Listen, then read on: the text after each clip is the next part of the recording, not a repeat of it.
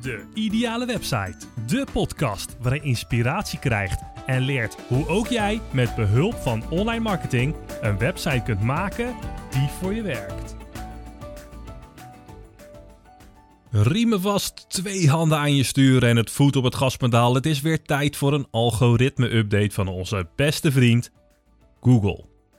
Mijn naam is Sven Kersten en je luistert naar aflevering 19 van De Ideale Website. En om jouw website zo ideaal mogelijk te maken door goed zichtbaar te zijn in de zoekresultaten van onder andere Google, is het verstandig om je SEO, je SEO up-to-date te houden.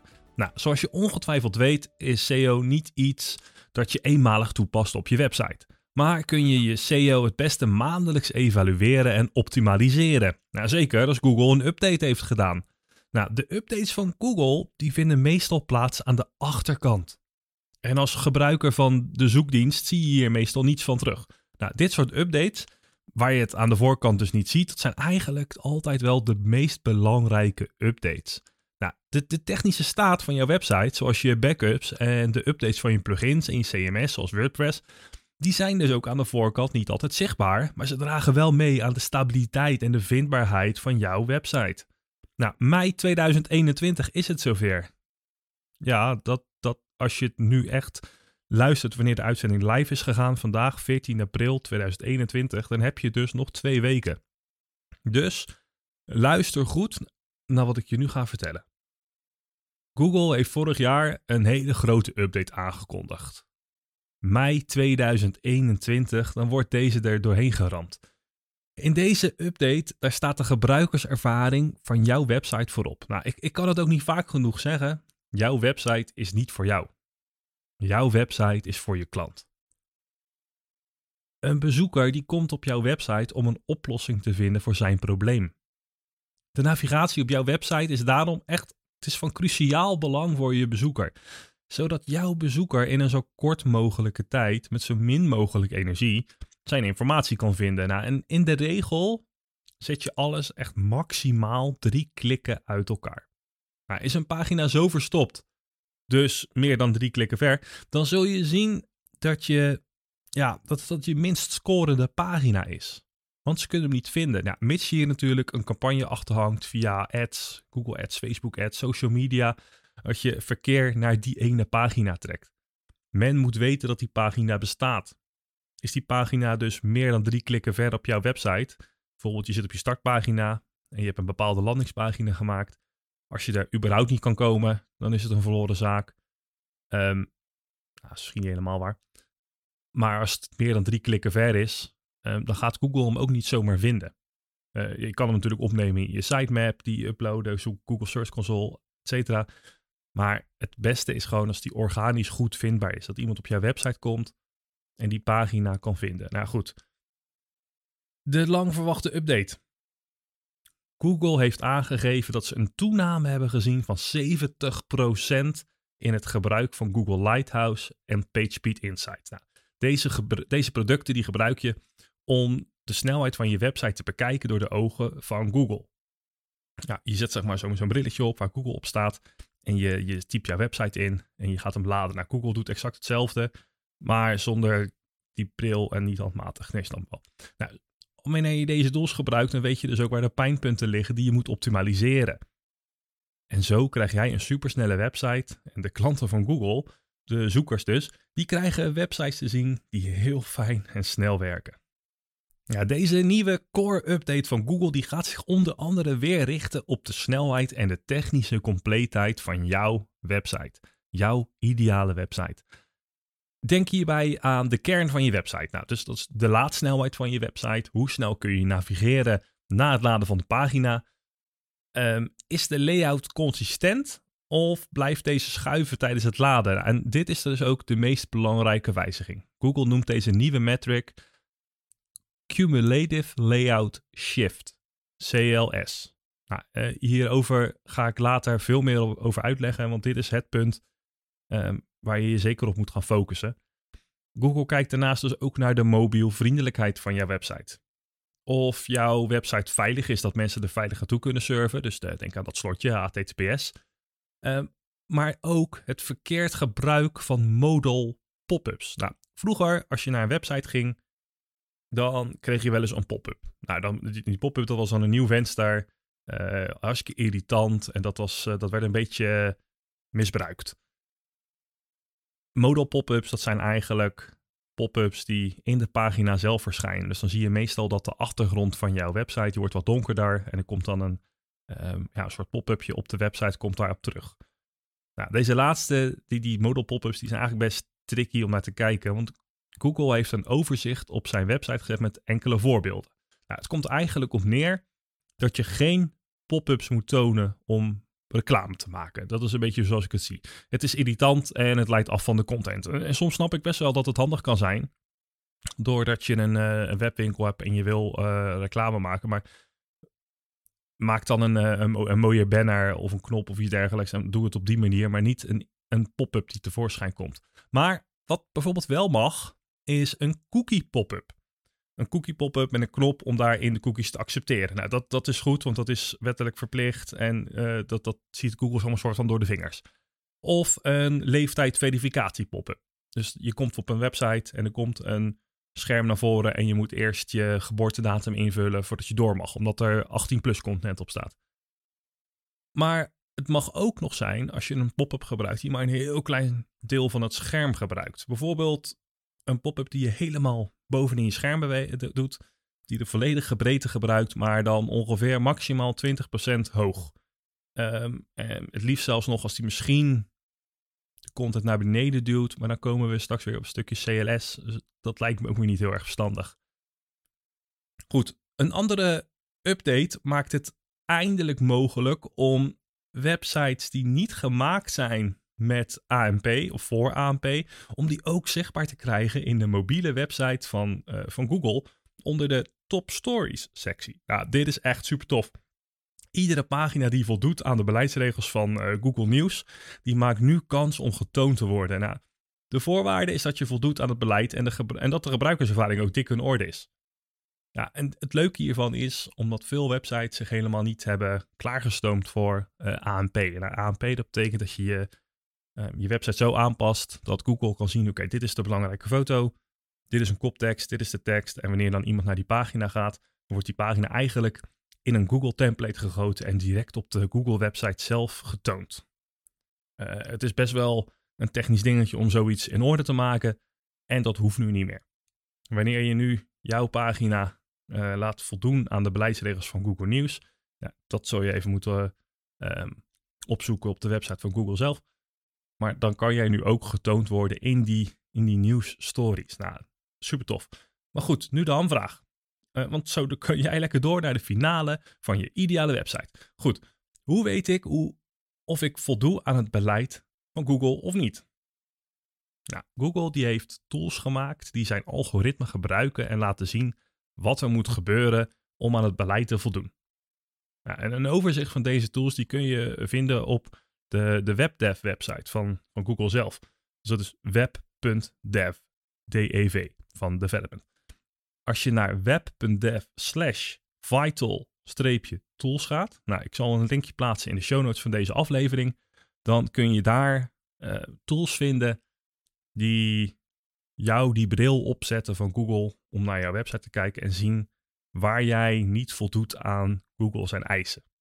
Want Ten slotte moeten alle onze websites voldoen aan de eisen van Google om hoger op te komen in Google. Op deze pagina van, van de Web Vitals, daar vind je dus een tool. En die tool die heet ook Web Vitals. Nou, dit is een, een Chrome-extensie om je pagina dus te scannen op verschuivende content waar de cumulatieve layout shift metric naar kijkt. Die, die CLS waar ik het eerder over heb gehad. Nou, deze metric die kijkt naar de stabiliteit van je pagina vanaf het moment dat de pagina laat. Vindt er een verschuiving plaats, bijvoorbeeld je teksten, knoppen of afbeeldingen, um, die ene weer schuiven tijdens het laden van je pagina, dan krijg je minpunten van Google.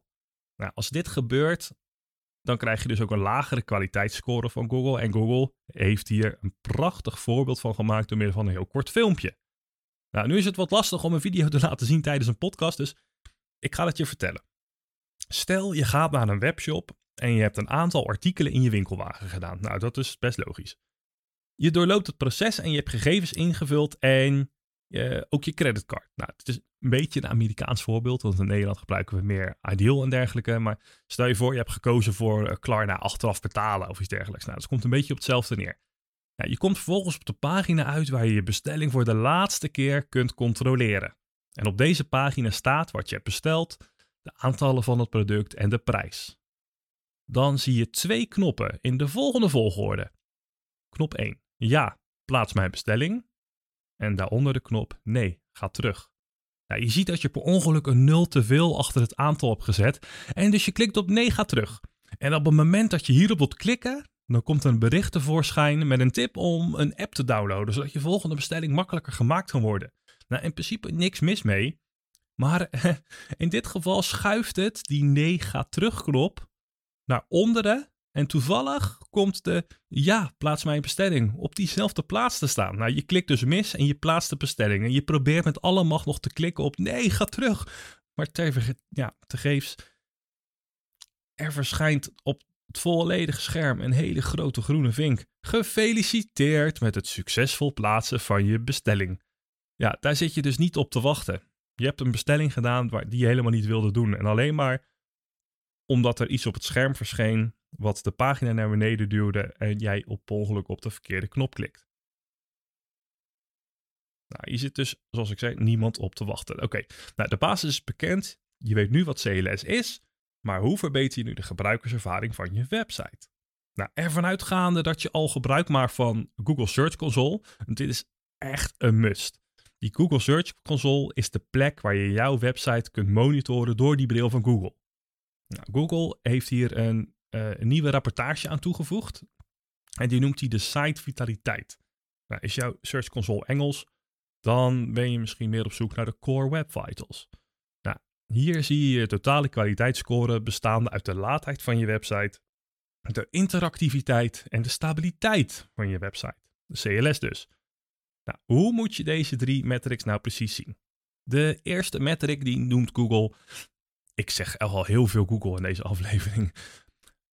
Largest Contentful Paint, LCP. Nou, dit betekent de laadtijd van een website die moet gemiddeld onder de 2,5 seconden zijn. En de meting die start zodra je website wordt geladen. Nou, hou je website onder die 2,5 seconden, dan zit je goed. 2. First Input Delay, dat is de FID. Klinkt een beetje als een uh, politiekorps, maar goed. Wanneer je wanneer je interactie kunt hebben met de website. Nou, probeer onder die 100 milliseconden te blijven. Dus dat betekent je pagina laat en zorg dat je direct kan scrollen. Dat je direct alle kanten op kan. Wanneer dat langer duurt dan die 100 milliseconden, ja, dat is dus heel erg snel. Krijg je minpunten. Kwaliteitsscore gaat omlaag. Of niet zo hoog als dat je zou willen. Nou, drie. En dat is degene waar eigenlijk de hele af, deze hele aflevering over draait om gaat, dat is die update van Google, die core update. En dat is de cumulatieve layout shift, CLS. Nou, dit is de stabiliteit van je website. En zorg er dus voor dat je onder de 0.1 blijft. En dit zijn geen seconden, geen millisecondes. Google geeft jou een score. En als je onder de 0.1 blijft, dan betekent het dat je goed zit. Nou, nu je weet hoe je je website kunt meten, kun je dus ook een plan maken om de pagina's aan te passen. Nou, je weet nu waar de pijnpunten zitten. Nou, helaas zijn deze drie metrics nogal van een technische aard en niet voor iedereen weggelegd om op te lossen, maar toch ga ik jou proberen om een duwtje in de rug te geven. De eerste twee metrics die, die hangen samen en hier moet je eigenlijk de basis van technisch SEO op toepassen. Ik heb dit volgens mij al vaker ehm, verteld in uh, eerdere afleveringen, maar ik ga mijn acht focuspunten, die ga ik gewoon ehm, herhalen. En misschien zit er nog wel wat nieuws voor je tussen. 1. Maak gebruik van een cache systeem of plugin. Je hele website is namelijk dynamisch en die wordt met een cache systeem statisch opgebouwd en dus sneller. Jouw server hoeft niet meer na te denken over hoe de pagina opgebouwd moet worden. Dat is al een keer eerder gedaan is opgeslagen in een geheugen en waardoor je pagina sneller laat. 2. Verklein je CSS en je JavaScript bestanden, je JS bestanden. JS. Zoek in Google naar um, bijvoorbeeld WordPress Minify CSS of WordPress Minify JS.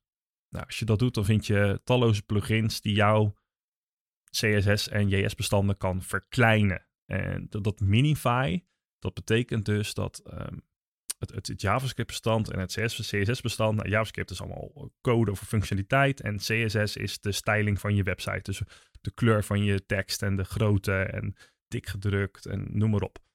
Achtergrondkleuren.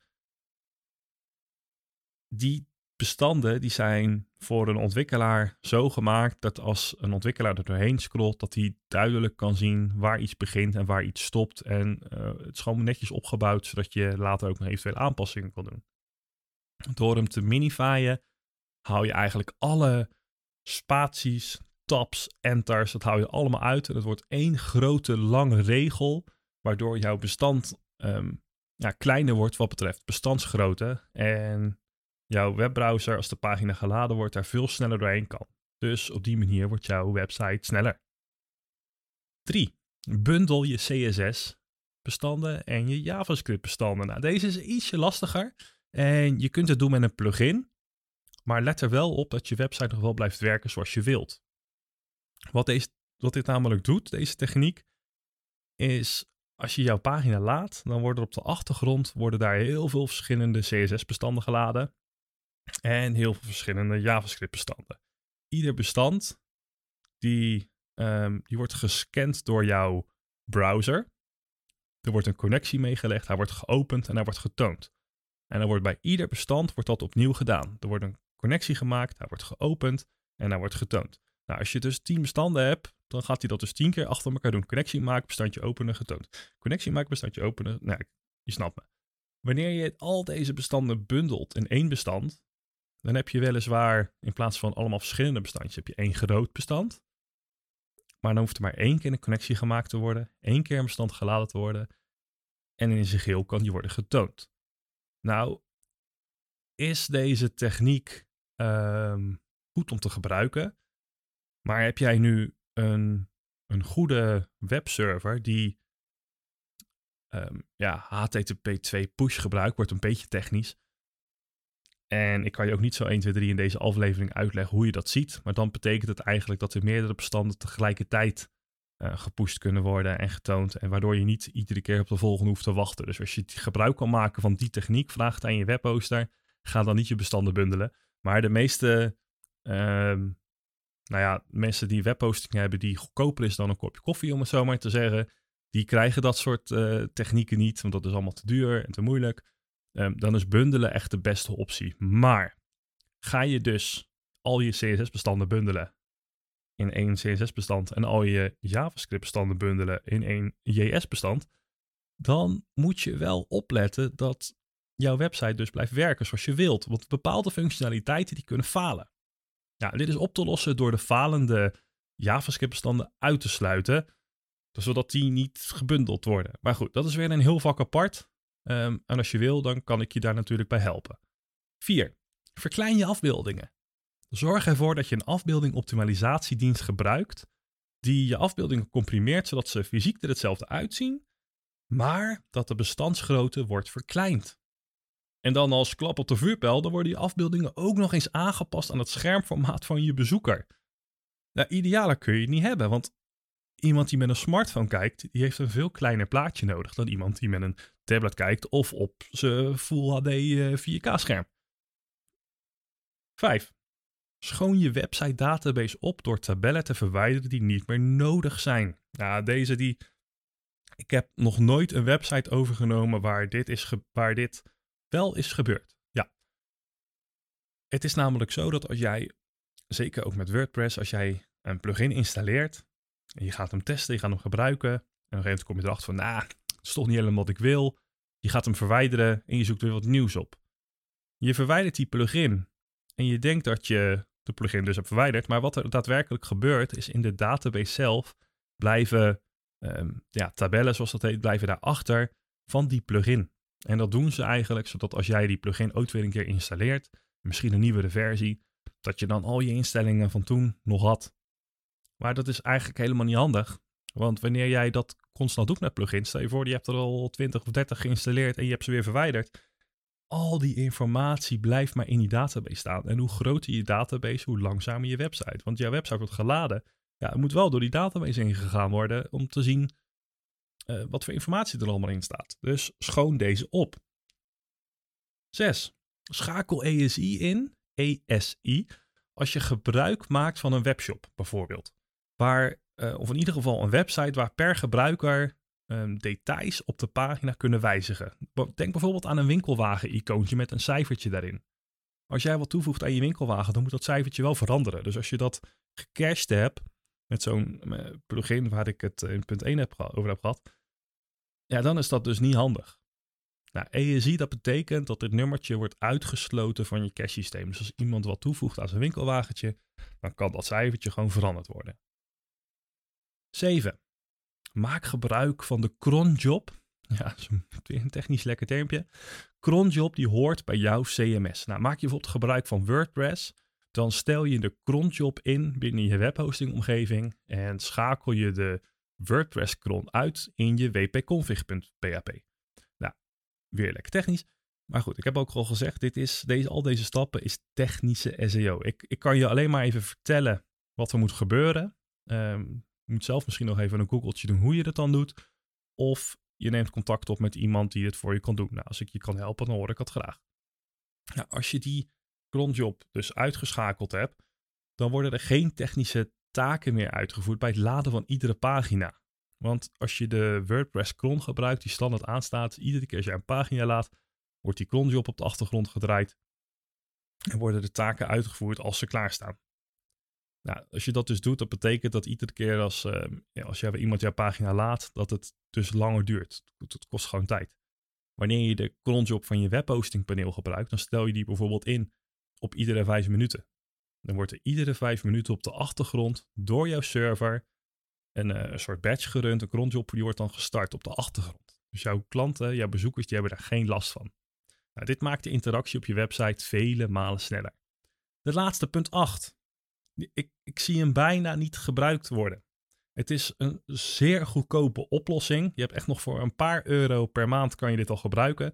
Heb je een, uh, een, gigantisch grote website, dan, dan nog denk ik dat je met een, uh, met een paar euro per maand nog steeds uit kan. Maak gebruik van een CDN, een Content Delivery Network.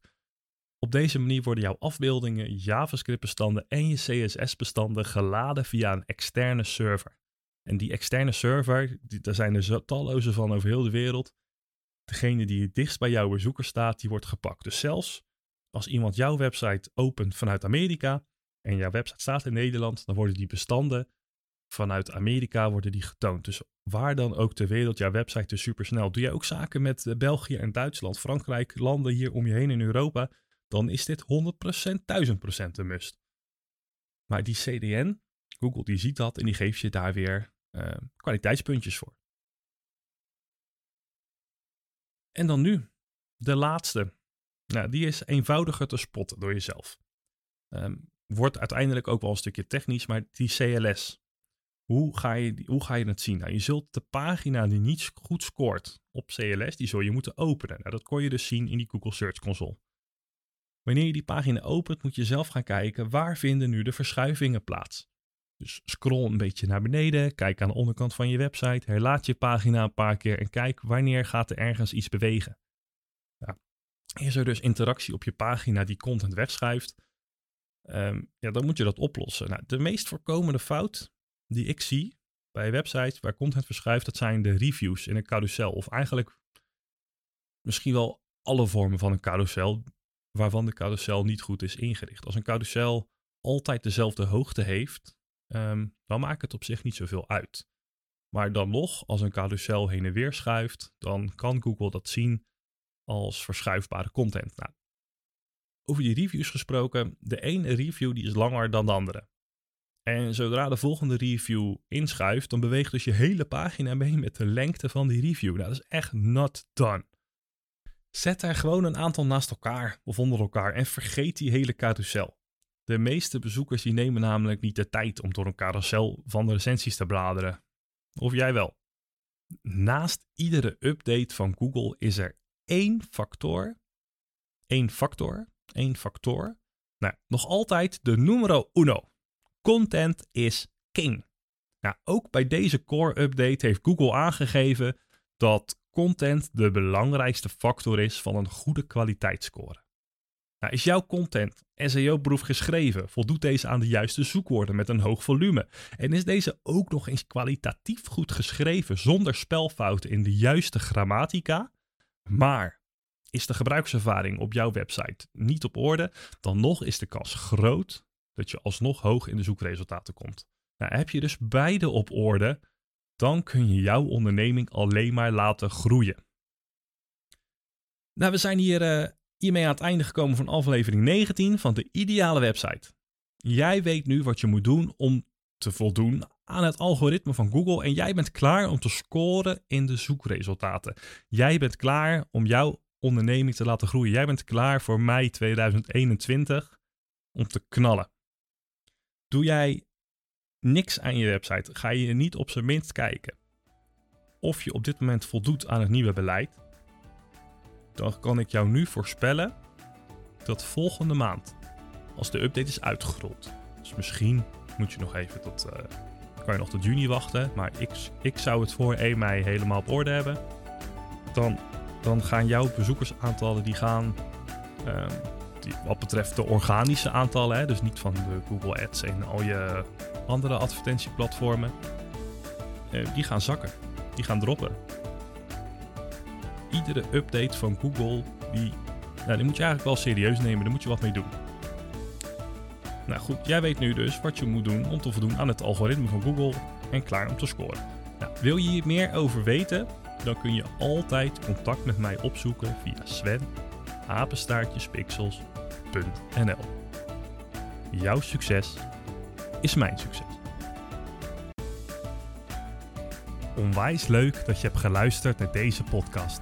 Ik zou het ook onwijs leuk vinden als je deze podcast zou willen delen op je eigen social media, zodat ook anderen wat hebben aan de kennis die ik net met je heb gedeeld.